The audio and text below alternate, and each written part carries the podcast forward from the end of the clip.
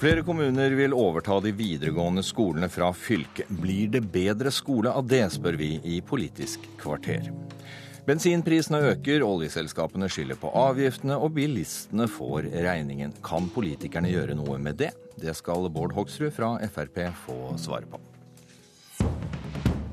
Dette er Politisk kvarter. Jeg heter Alf Hartken. Og flere kommuner vil altså overta de videregående skolene fra fylket, har vi hørt i nyhetene i dag.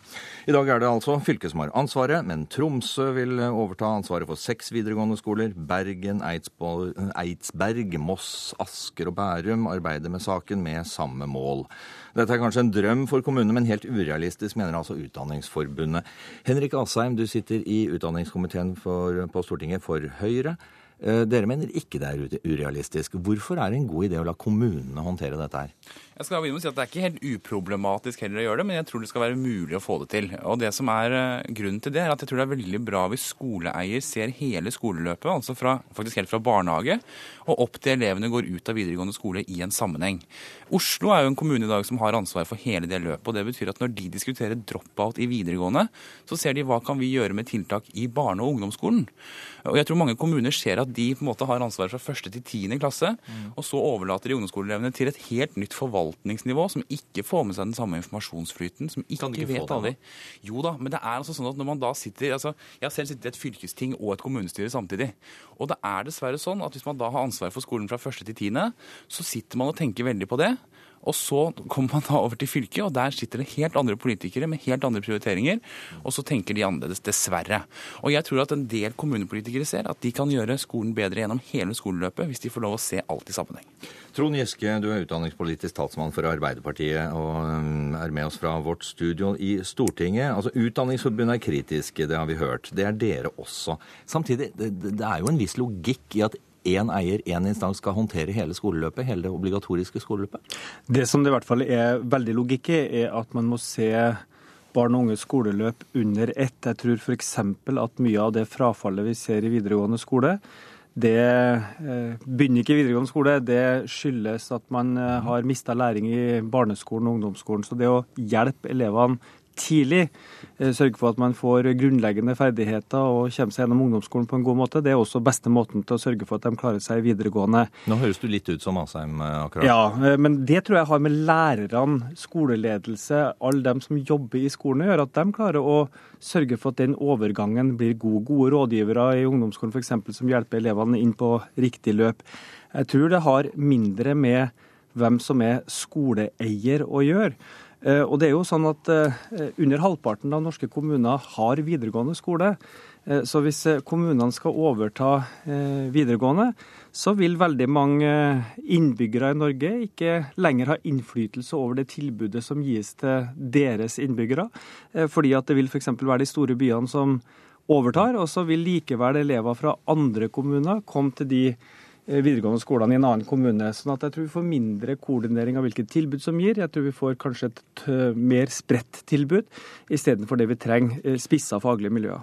Asheim, kan, det, kan, dette skape mer rot og mer problemer enn det eventuelt løser? Nei, og det høres ut på Giske som at nå har man tenkt til å bare dytte alle videregående skolene ned på kommunene. Det er jo ikke tilfellet. Men her er det noen engasjerte skoleeiere som ønsker forsøk på å ha ansvaret hele veien. Og da syns jeg man skal i hvert fall forsøke å se om man kan få det til. Og så er det helt riktig. altså Jeg er enig i at det er viktig å se skoleløpet i helhet uansett. Men ta et eksempel. Jeg satt i fylkestinget i Akershus, hvor vi foreslo og innførte at vi brukte penger på rådgivere og helsesøstertjenester i ungdomsskolen. Det er ikke vårt ansvar, men vi gjorde det.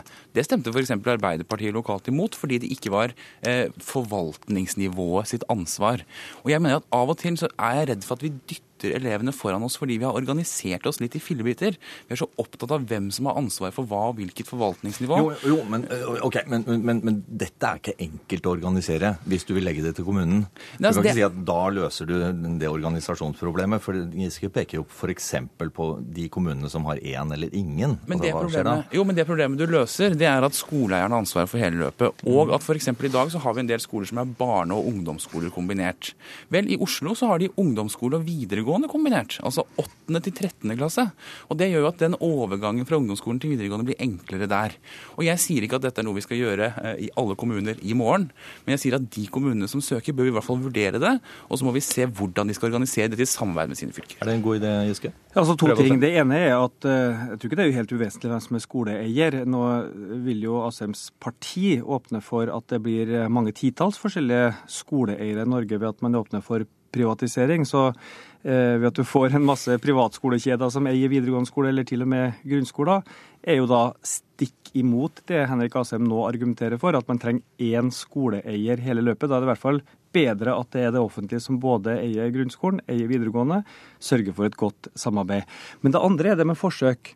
Vi har jo forsøk med eh, et system hvor vi har grunnskole og videregående i samme løp. Og Det heter Oslo, for Oslo er jo både primærkommune og fylkeskommune.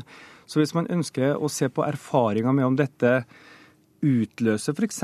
et bedre ressurssamarbeid mellom videregående og grunnskolen, så kan man finne det ut fra Oslo.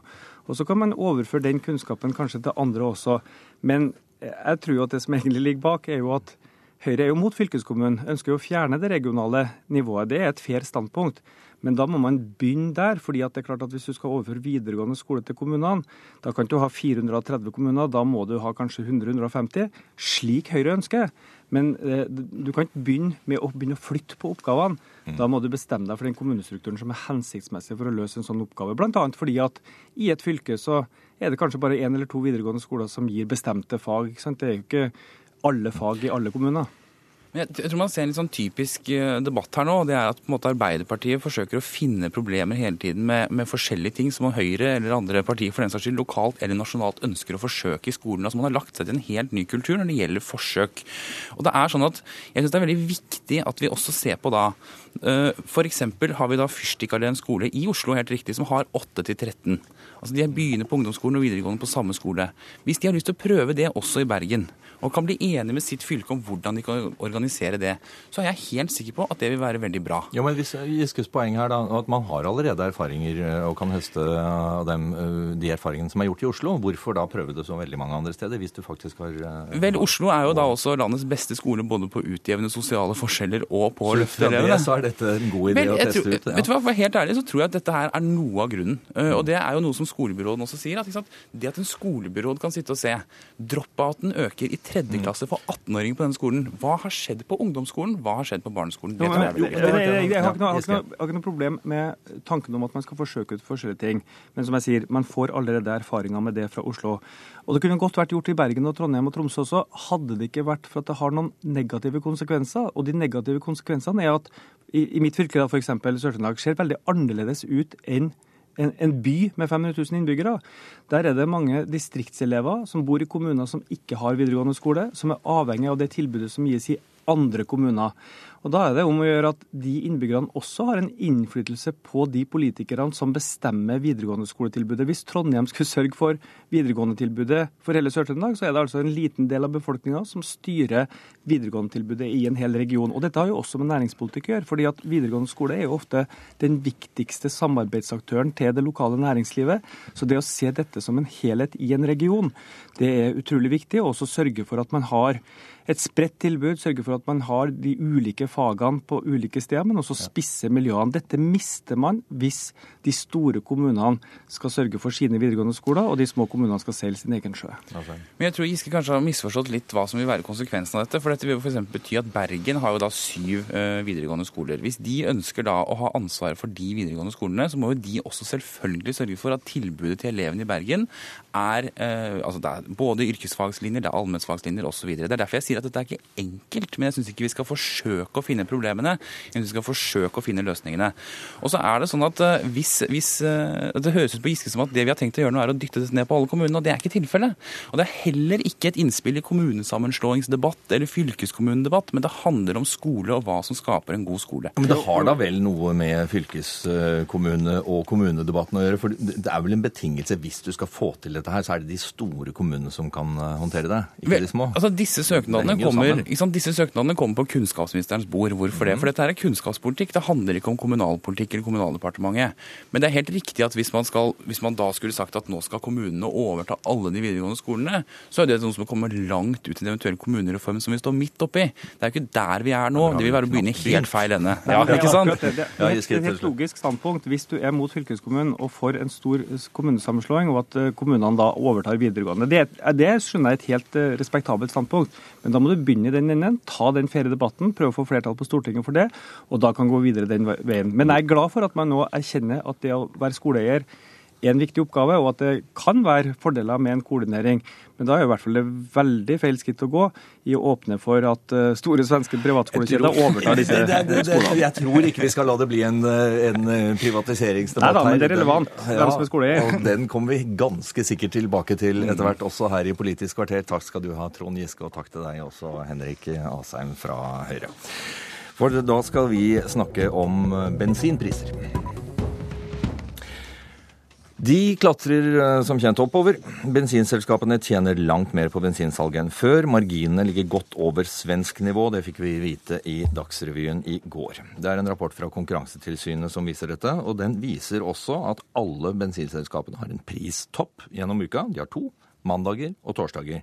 Bård Hoksrud, statssekretær i Samferdselsdepartementet fra Frp. Du er mer opptatt av samferdsel enn de fleste. Ditt parti har snakket mer om bensinpriser enn eh, noe annet parti.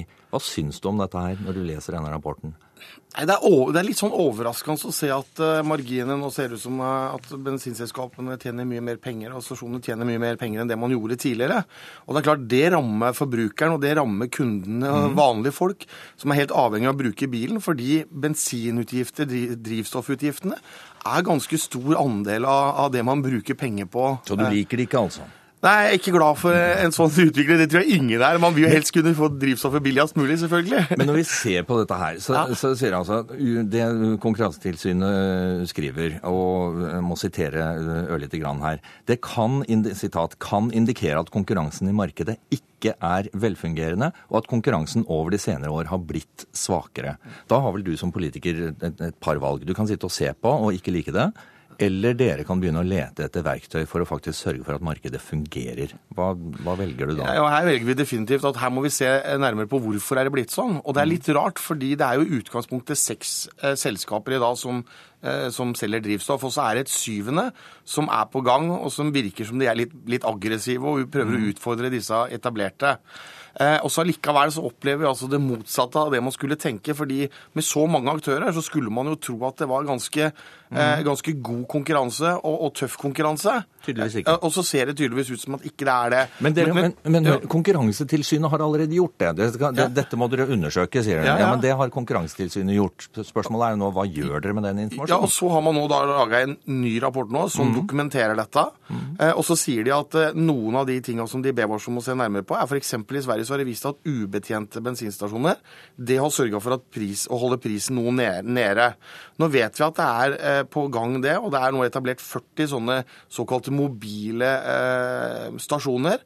Eh, og De er ofte plassert i distriktene, og det vil bidra til å redusere kostnadene og kan gjøre også at drivstoffprisen går ned. Eh, så, så det skjer jo noe her, og dette er også med hjelp fra offentlige myndigheter. Ja, ok. Ja, Så- så altså, dere har en liten hånd i det? det, Her liksom? er man med på å prøve å bidra til det.